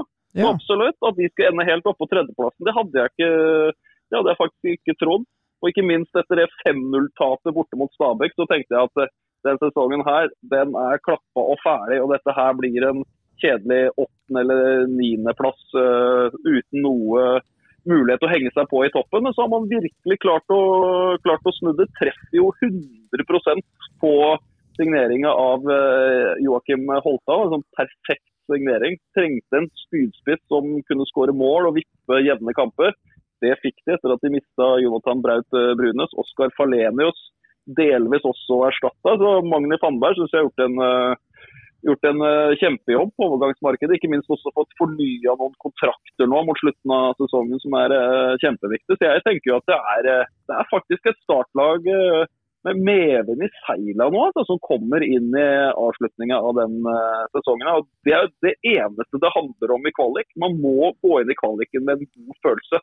Man kan ikke gå inn i kvaliken La oss si Sandefjord får kvalik nå, da. Det får de jo rett og slett på at de andre ikke er gode nok. Ja.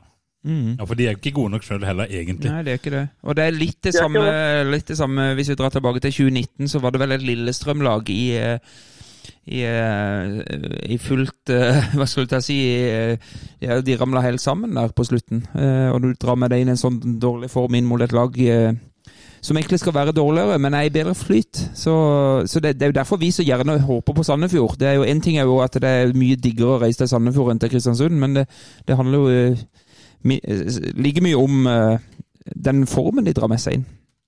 Ja, sportslig og geografisk og alt mulig sånn, så er det jo absolutt å foretrekke Sandefjord. Altså, det kommer til å bli kjempeflotte kamper med kort tur for kristiansandsfolket til å komme seg til Sandefjord. Og en en virkelig, og et virkelig stort håp om at dette her kan, eh, kan faktisk gå. Og Jeg husker jo Trym Hogner, han Lillestrøm-supporteren, eh, sa det til meg at eh, Lillestrøm rykka jo ikke ned alene i 2019. De har jo brukt ti år på dette nedrykket. Ja. Med kontinuerlig liksom, dårlig arbeid over mange sesonger, sakte, men sikkert røra seg ned i eh, bunnstriden. Og så skjedde så klart det som skjedde på Åråsen, og så episk som det var.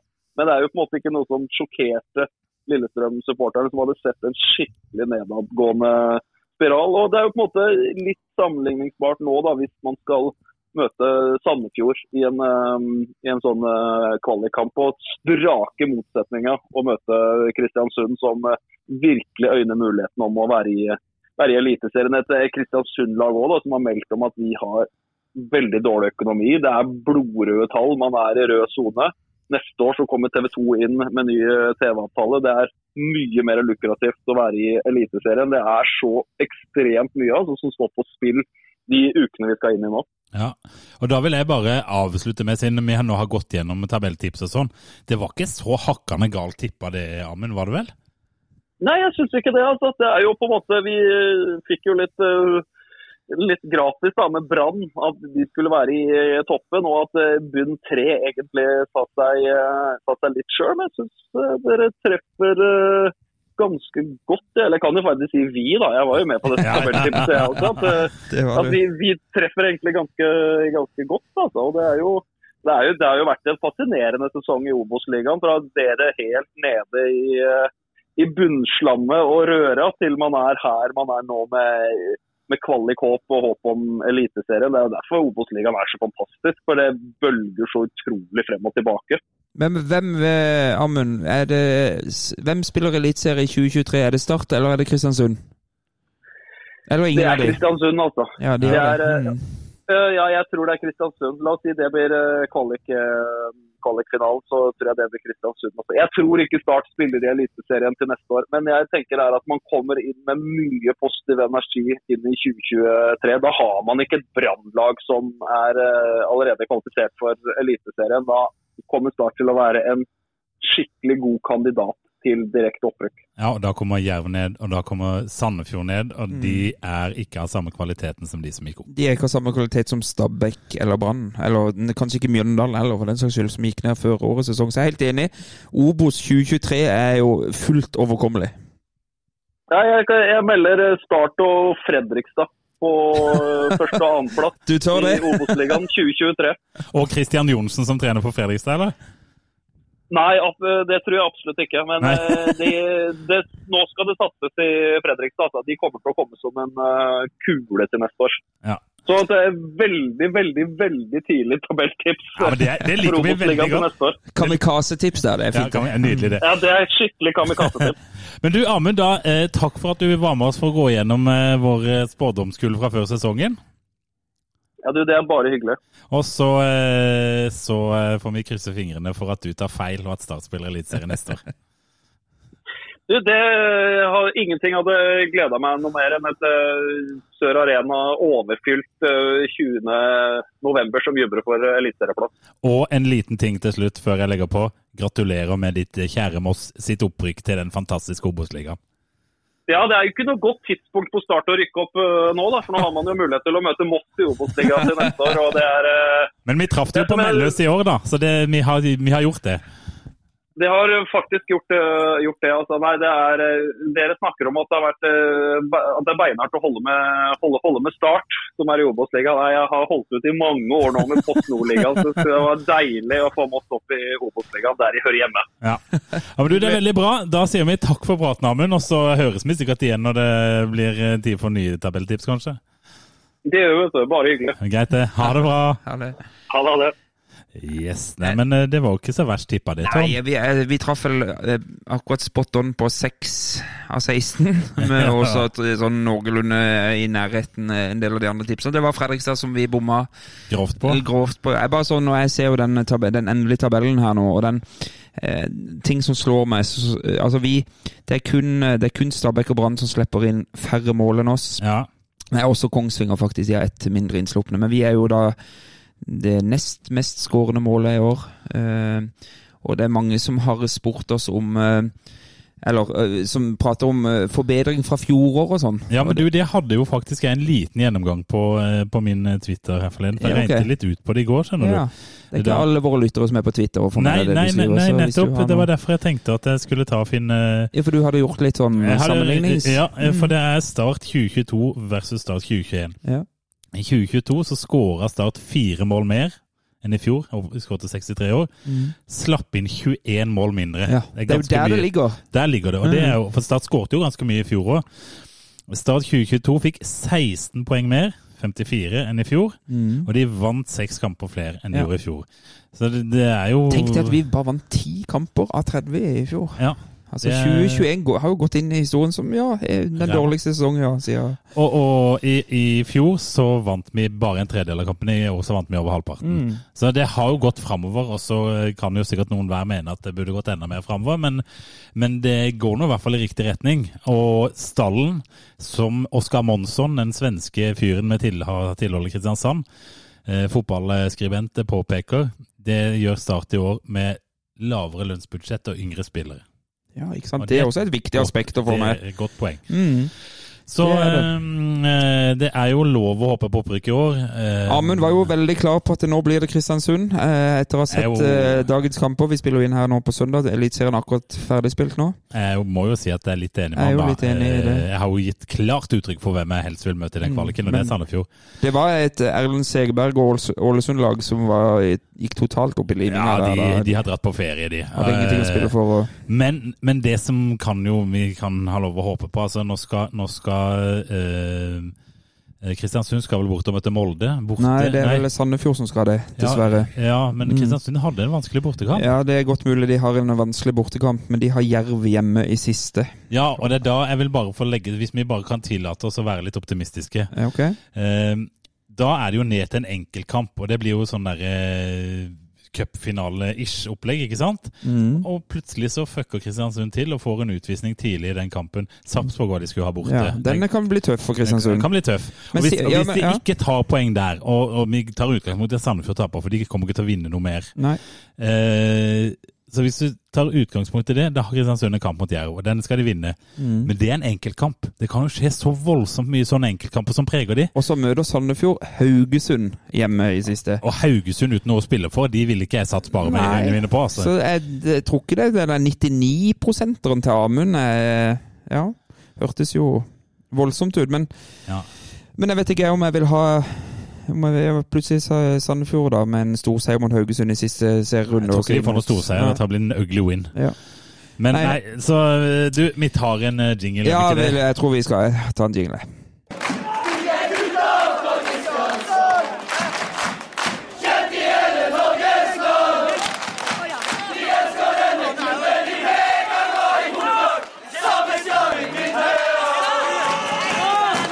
Ja, det var Lonsia, det, var det ikke det? Det var Lonsia. Jeg bare ser at Lars Benestad har vært live inne i sendeplanen vår og endra sin heid. Eh, Har han det, ja? Ja, og nå står det bare der Lonsia, banens beste i alle kamper i år. Mm. Så der eh, Der ble plutselig det Hugens heid. Ja. I tillegg til Lars Martin Gimse og Ja, mye heider på Lars Benestad nå, altså. Det så tut-tut hjemme, hjemme hos Benestad nå at eh, her, Vær så god, Lars. Ja, der, vi tar den en gang til, og så han får det nok. Eh, men vi kan jo Vi har jo snakka litt om kvalik og dato og litt sånn prat nå. Nå er det 13. no- Vi tar utgangspunkt i at 13. november som, som gjelder. Mm. Eh, og hvis man vinner den, eh, så er det vel da, så vidt jeg husker, 16. november, som er den første kampen i eh, kampene mot eliteserielaget. Og 20. november og det er altså hjemmekamp for Obos-laget, for det er trukket i år.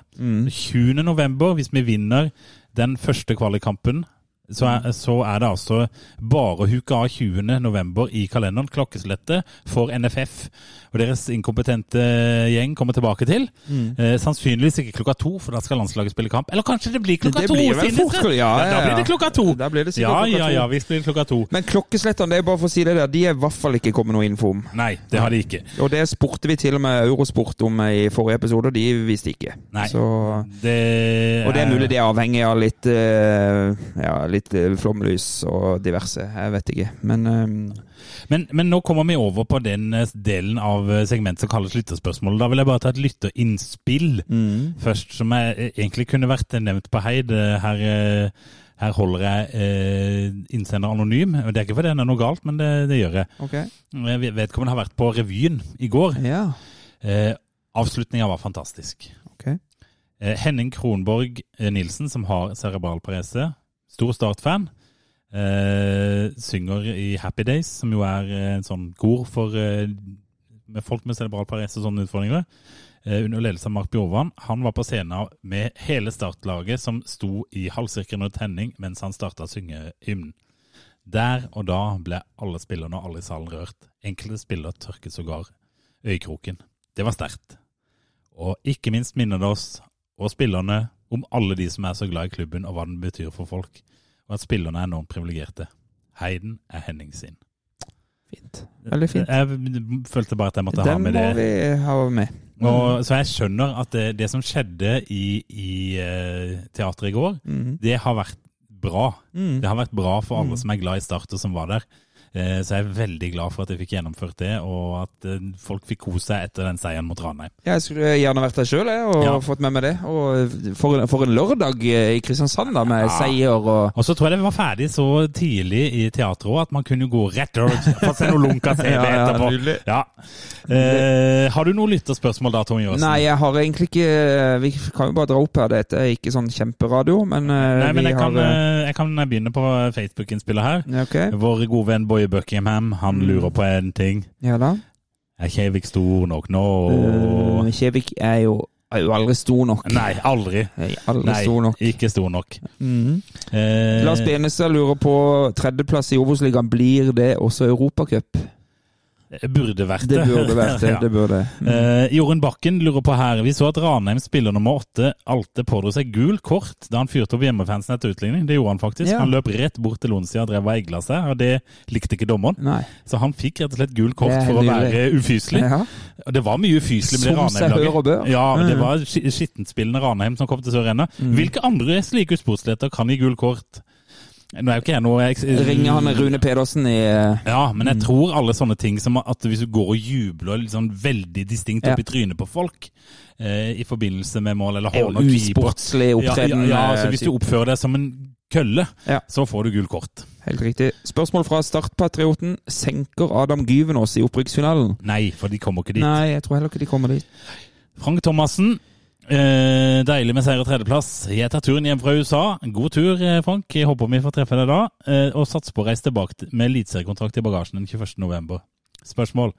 Hvor mange tilskuere kommer det i kvalikkampen den 13. november? Og ved seier, hvor mange kan vi forvente i en avgjørende kvalikkamp? 13. november tror jeg det kommer 6380. Jeg skulle til å si 6000. Mm. Og hvis vi kommer til den avgjørende kampen, og vi ikke gjør oss helt bort på bortebane, Mm. da skal jeg ha 10 000. Da bikker vi 10. Da skal jeg ha 10 000. ja, men jeg tror vi bikker 10. Hvis vi får med oss et uh, 1-0-seier eller 1-1 oppe i Kristiansund der. Da, da er det bare å få Det er det alle mann til Sør Alle bortsett fra Lars Benestad blir å se på Sør Arena da. Og så eller Ellers så Var det ny rekord når det gjelder oppmøte på Lonsia mot Ranheim? Det vet jeg ikke. Jeg Nei, men det så bra ut. Det og det bra var bra trøkk. Har du noe mer fra Ja, det var Twitter-sfæren? en uh, utbyttekokken. Ja. Han spurte om noen greier her som hvis vi ikke rykker opp, tror dere vi får signert Holtan permanent. Dette var dere jo litt innom i forrige episode. Det var det vi var. så det var egentlig svar. Han hadde flere spørsmål som vi egentlig var innom i forrige episode. Men det var, skal vi si, hvis vi ikke rykker opp, tror jeg vi klarer å holde formen inn i neste sesong. Det, det tror jeg faktisk. Ja. For jeg føler det har blitt såpass stabilt nå, og de har tegna Med unntak av Tønnesen, så har de tegna nye kontrakter på ganske mange av spillerne. Og så vet jeg jo det, ja, jeg, nå, Hvis jeg tenker da litt mer sånn hvordan uh, standinga til Start kommer til å være i byen og blant supportere om vi nå ikke skulle rykke opp Mm. Men jeg tror Det, det vil alltid være noen gretne gubber, mm. der ute. Jeg er også en av de. Ja. Uh, selv om jeg har blitt en logrende hund det siste året, så, så har det skjedd så mye riktig de siste månedene. Ja. Og hvis vi nå uten å skamme oss helt ut ikke rykker opp, Mm. med to gode kamper mot et eliteserielag som liksom avslutning på sesongen, så går jeg inn med Altså, den skuffelsen vil legge seg ganske fort. ja, så tar man med seg liksom høsten, og det gode de har gjort i Man gjør det. Eh, og jeg tror det er litt sånn gjengs nå. Ja, men det, Det, det er den, liksom den tempen jeg tar og kjenner på. Eh, at det er liksom Ja, eh, jeg tror det var verre i 2019. Ja, at da må, måtte vi litt opp for at dette her eh, SED eh, skulle på en måte være litt liv laga. Og, og, og så uh, ser jeg jo liksom på det Vi drev jo og snakka om etter eh, Stabæk og litt sånn hva vi trodde om Sindre Kjelmelands stilling i, i klubben. Og uansett hvordan den kvaliken går nå, så tror jeg den stillinga er veldig sterk, basert på det de har gjort i høst. Så han kommer til å føle at han har klubben i ryggen, eh, og flesteparten av supporterne i ryggen. Eh, og han har med seg stort sett det meste av laget. Og kanskje, og dette er jo underkommunisert, tenker jeg, kan vi gå en hel sesong med de samme angrepsrekka? For vi eksempel. bytta jo pokker meg omtrent alt i sommer, eh, og vi har snakka om det. Eh, hadde Start eh, på en måte hatt enten Braut Runes hele sesongen eller holdt han hele sesongen, og en Falenius-type, nå har vi jo Strandegård-ish, så tror jeg pokker meg at Det er jo eh, kontinuiteten her da, som på en måte skal være med og dra lasset, tenker du. hadde, Da tror jeg vi hadde rykka opp hvis Ja. vi hadde vært med Ja, i ja, ja. Det kan godt være. Eh, og til neste år så skal vi få oss en eh, ny flott Ja. eh, noe på høyrebekken og Alfen. Ja, ja. Hvis Men- ikke rykker opp i år, er helt enig med Amund, da rykker Start opp neste år. Men, men en ting er angrepsrekka, men jeg tenker også bak at vi får kontinuitet på den gjengen der. Nå har Ja. vi en Tønnesen, Kristoffer Tønnesen som har kontrakt til- sommeren. Ikke la oss gå gjennom hele vinteren og så utover sesongen starter, og det er usik det. ja, usikkerhet rundt det der. der. Det der må man finne ut av i, i romjula, altså. Det, Ja. Og så er det bare artig, den første kampen neste år, nå skal vi ikke tenke så langt, men det er jo faktisk eh, en cupkamp mot Tromsø. Ja, det er det. Og de har jo blitt ganske gode, de. Så vi begynner jo akkurat som i år, så begynner vi med en cupkamp. eh, Det var vel 23. mars eller et eller annet sånt. Ja, det er det. Så Men, det, men nå er det på hjemmebane, heldigvis. det er på hjemmebane. Ja, Så den skal jeg på. Ja, det blir veldig bra. Nei da, så, så jeg tror Men jeg bare tilbake til mitt poeng der, Gimse, at jeg tror at skulle vi feile i denne kvaliken, Ja. eh, så tror jeg ikke alt vi har bygd opp de siste årene nå er waste. Eh, Det virker som at det blåser en, en liten uh, flau vind over uh, Sørlandet nå, og Start. Enig. Det gjør det uavhengig av kvalik. Men selvfølgelig vil vi opp!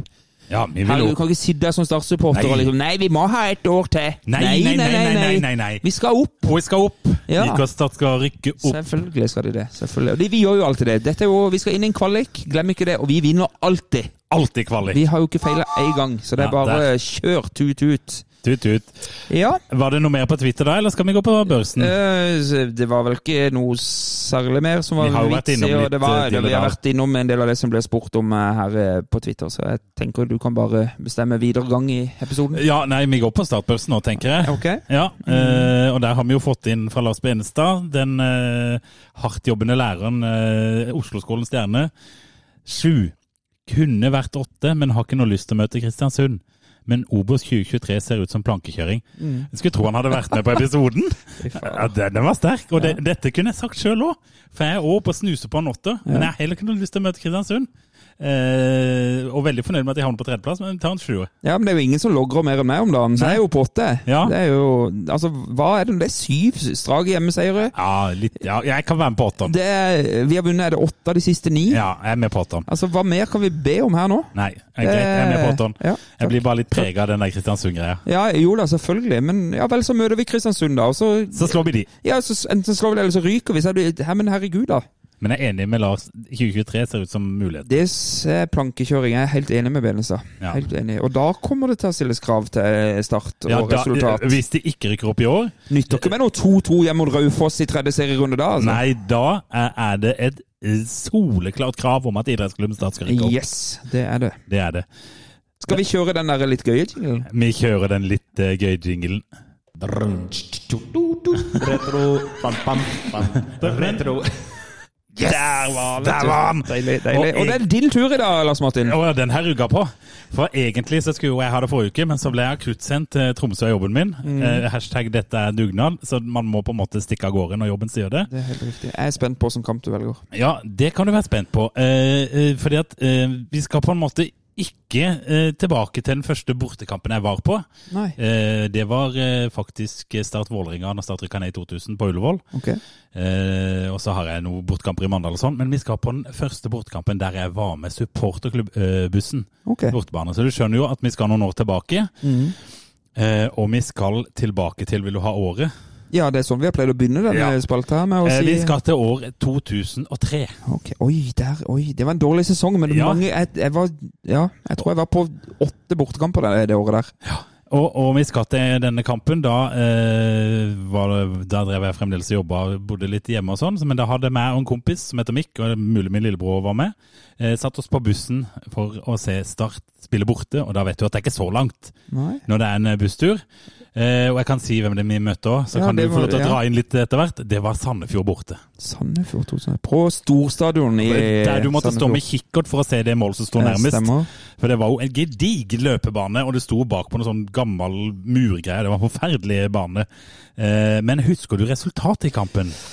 Oh, 2003 um, Altså, det var jo en ræva sesong, men Ja. kan det være så Er det såpass at vi faktisk vant? Vi vant, faktisk. Gjorde vi det? Ja, ja. Det gjorde vi. Vi slo Men det var før det var Sandefjord fotball? Det var Sandefjord ballklubb eller noe sånt på den Nei, tida? det var vel sikkert helt i starten av, av Ja, den tida der, ja. Ja. Men ok, men vi vant, ja. Så Vi gøy. vant. Eh, vil du prøve deg på et resultattips? Eh, 2-0. Ja, det var nesten. Ja. Vi vant 2-1. 2-1. 2-1 vant vi. Og, og litt av det grunnen til at jeg husker dette så godt, var at vi satt eh, nemlig på bussen på vei bort, eh, og satt jo og koste oss med noe lunka-CB, som man gjerne gjør, og satt og så for oss kampen. Og da kan jeg huske at jeg sa åh, jeg, jeg, jeg føler meg helt sikker på at prikk, prikk, prikk kommer til å skåre i dag. Jeg er helt sikker. Og det gjorde han òg. Eh, og da har vi jo eh, for det er, jo, det er jo fakta i disse kampene Ja. jeg liker veldig Ja, godt. men det er altså. nettopp det vi skal til nå, Tom. Ja. Eh, Start vinner 2-1. Eh, og da eh, vil du først prøve deg på målstår, eller vil du prøve deg på laget først? Nei, jeg tar målskårer først, jeg. Ja, Eh, kan Fredrik Strømstad ha skåret i den kampen? det var han jeg satt og snakka Ja, om, nemlig. skjønner nettopp, du? Han nettopp. fikk en retur og trilla den inn. Ja, ikke sant? Det gjorde han. Altså, jeg var nok mest sannsynlig på denne kampen, men jeg har veldig vage minner. Ja. Eh, Fredrik Strømstad skåret ett minutt etter pause, Ok. og eh, Starts eh, Mannen som, som avgjorde det, det var Steinar P. Steinar P, ja. på straffespark. Å ja. For dette var, eh, dette var nemlig en, en forferdelig førsteomgang av Start. Da hadde Jørgen Jalland gitt eh, Sandefjord ledelsen, eh, og Start var helt elendige. Eh, og eh, I Feven da, så står det annet om eh, overraskelsen, for de hadde sånn kappkarakter, overraskelsen og skuffelsen. Oh, ja. Litt sånn Heid og Blake som vi har? Ja, Ja. du kan si det sånn. Ja. Eh, overraskelsen, starten på andre omgang.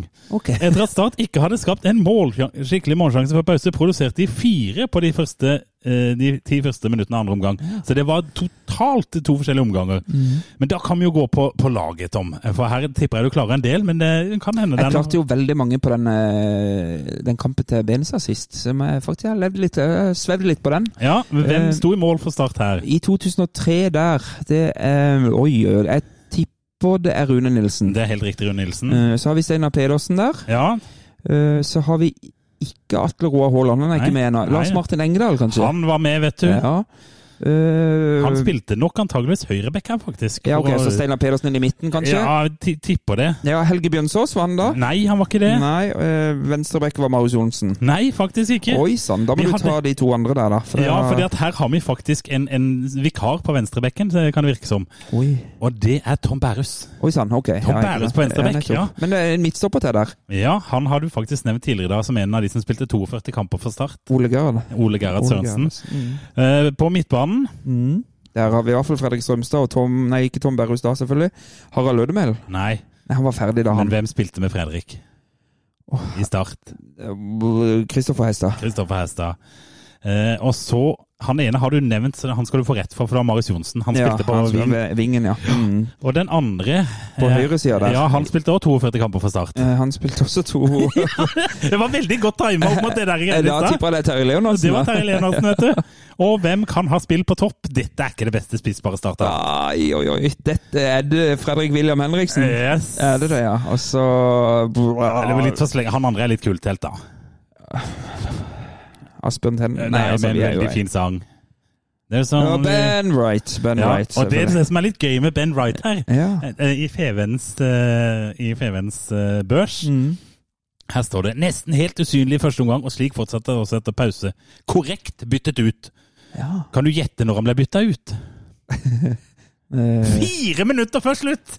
Så da ble korrekt byttet ut etter 86 minutter. ja, det er herlig. Er det Daniel Aase som var journalist? Nei, det, nei, det var det. Nei.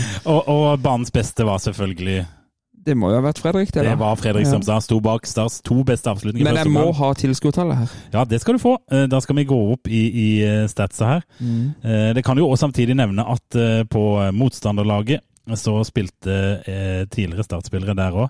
Ja, Frode Fredriksen, tipper jeg. Yes, det er helt Mm. riktig, og han var litt skuffa. Jo, det står tilskuertall 1916. Ja, det, var, det er mer enn det Sandefjord hadde på kampen sin i dag mot HamKam. Ja. Men, men vi kan òg nevne at det, det, eh, Frode Fredriksen er jo ikke den eneste som har en viss eh, kobling til Start i dette laget. Nei, Jon Mitoli tipper jeg spilte der òg. Nei, han spilte faktisk ikke. Nei. Men det kan se ut som denne mannen òg hadde en vikaroppgave på venstrebekk, for der spilte han så definitivt ikke for Start. Å nei, dette Geir Ludvig Feivang. Ja, ja selvfølgelig. Ja, han så ut som han spiller venstrebekk her i forhold til det oppsettet her, så det kan Altså, Jeg elsker jo disse spaltene her, det må jeg bare ærlig innrømme. Men det må, jeg håper jo folk der ute òg syns at det er litt eh, artig. Så vi må, vi må ikke dra den for langt. Men jeg, jeg, tenker du ikke at dette er innafor? Jo, jo, og, og her er det her er det liksom eh, Det er Bård Wiggen som er trener. Han Ja, ropte masse med at skulle skulle gå. litt sånn gøy fun facts. Ja, og, her- og her snakker han om at uh, nå skal Start spille én kamp i uka. Og det mener han passer det unge laget Ja, kjempebra. Den høsten ble jo ikke all verdens. Nei. For det er når på året var dette? Det var i august. Ja, riktig. Det var en okay. strålende flott dag i Sandefjord, Ja, jeg husker jeg. Mm. Så det var, eh, det var min Ja. Og det var en Det er nå altså 19 år siden. Å, gud og gøy jeg hadde det! Hæ? Herregud, Husk det, folkens. Dra på deres første bortetur, ordentlig bortetur i Obos-ligaen. Det kan bli skikkelig gøy, det. Mm. kan bli- Det kan bli kjempegøy. Det blir Ta starten på eh, Om 20 år til så har du podkast du òg. Start en pod junior. Yes. Men så pleier vi å avslutte spalta også med jinglen. eh, Ja, vi gjør det. Retro. Bam, bam, bam. Retro. Jeg ga, ja, altså, I forrige så ga jeg Benestad en femmer. Ja, Eh, jeg gir deg òg en femmer Ja. for denne her. Men, Jeg men hva får jeg for jinglen? Ja, Ja, den er jo du lagd, men Ja. jeg føler allikevel det er Lars Benestad som Ja, måte-. Som bjuder på det. Nei, men jingle er helt nydelig. Ja. Så, men folk må gjerne gi oss uh, tilbakemeldinger på den spalta der, men jeg tror nok den er kommet for å bli. altså. Det- Ja, og så som vi sa tidligere, så er det jo bare å sende oss uh, tips til kamper vi kan ta opp. For det, det, det er jo så mange å ta, og plutselig kommer det tips der eh, kanskje du eller meg, Lars, er sånn Ja, den var jeg på, den husker jeg, den vil jeg ha med. Ikke sant? Ikke sant? Helt enig. Og ikke minst eh, startminner. Startminner. Kan, må, eh, sug inn, bare send det til oss på alle mulige måter. Mm. Altså, eh, Start det på gmail.com, eh, send det på Twitter, send det på Facebook, LinkedIn og, og, Instagram og- og, Instagram og brevdue og Rubbel og bit på ja, snor og Ja, kan til og med ta en pressekonferanse med statsministeren for å eh, lansere det. Det er bare å kjøre på. Forrige uke handla jo veldig mye om oss, for da hadde vi dette ettårsjubileet vårt. Ja, jeg var lei meg for at jeg fikk være med på det, altså. Det, var, det var, var en fin uke. Mye gode tilbakemeldinger. Ja, det var det. Og jeg ville jo bare Det har jeg sagt eh, før òg. Men eh, denne podkasten For det første er det jo deilig for meg å ha litt sånn eh, et fast holdepunkt i livet mitt utenfor heimen. Men så har jo den samme to folk som er veldig fine. Eh, så eh, en takk til deg, Takk, Lars, takk for, eh, for pod og vennskap, vil jeg si. Og takk selv, Ja. Lars Martin Gimse, for eh, det året vi har hatt. Så får vi Ja. håpe det, det blir ei, ei stund til. Men det er, det er dyrt med dugnad. Ja, det er veldig dyrt med dugnad. dyrt med dugnad. Skal vi uh, si at det holder? Det Ja, ble, eh, det ble langt i dag. det ble langt i dag nå.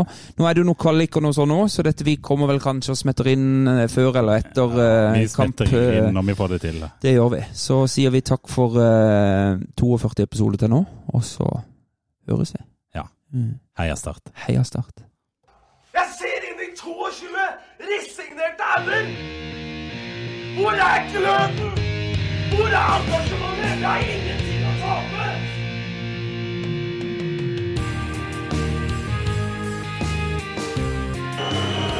Ja, forlenges tid på Martin Ramsland. Skal du sette etter? Og så gjør han det! Martin Ramsland! Har du sett? Han kommer til å bli større enn